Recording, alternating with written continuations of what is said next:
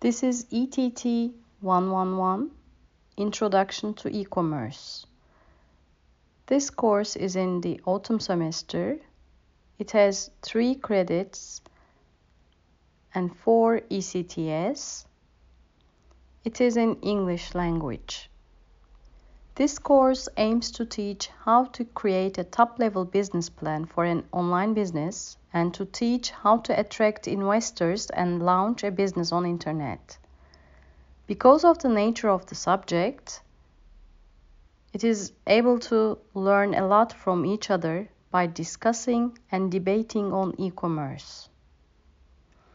The course content is the concepts and skills for the strategic use of e-commerce, examination of e-commerce in altering the structure of entire industries and how it affects business processes including electronic transactions, supply chains, decision making, and organizational performance.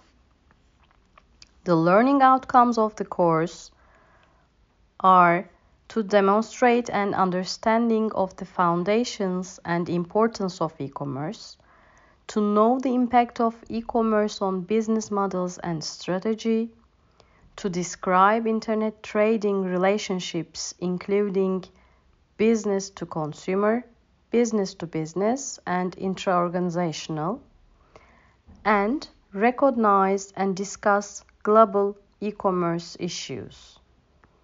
The course is totally 16 weeks with one midterm examination and one final examination.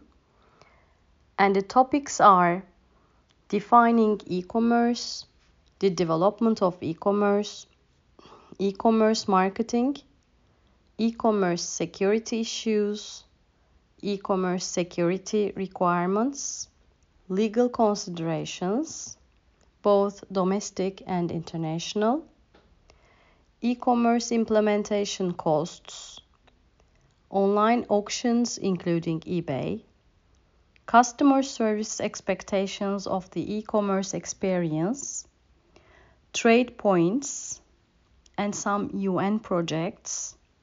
And the students are going to make some presentations about the topics.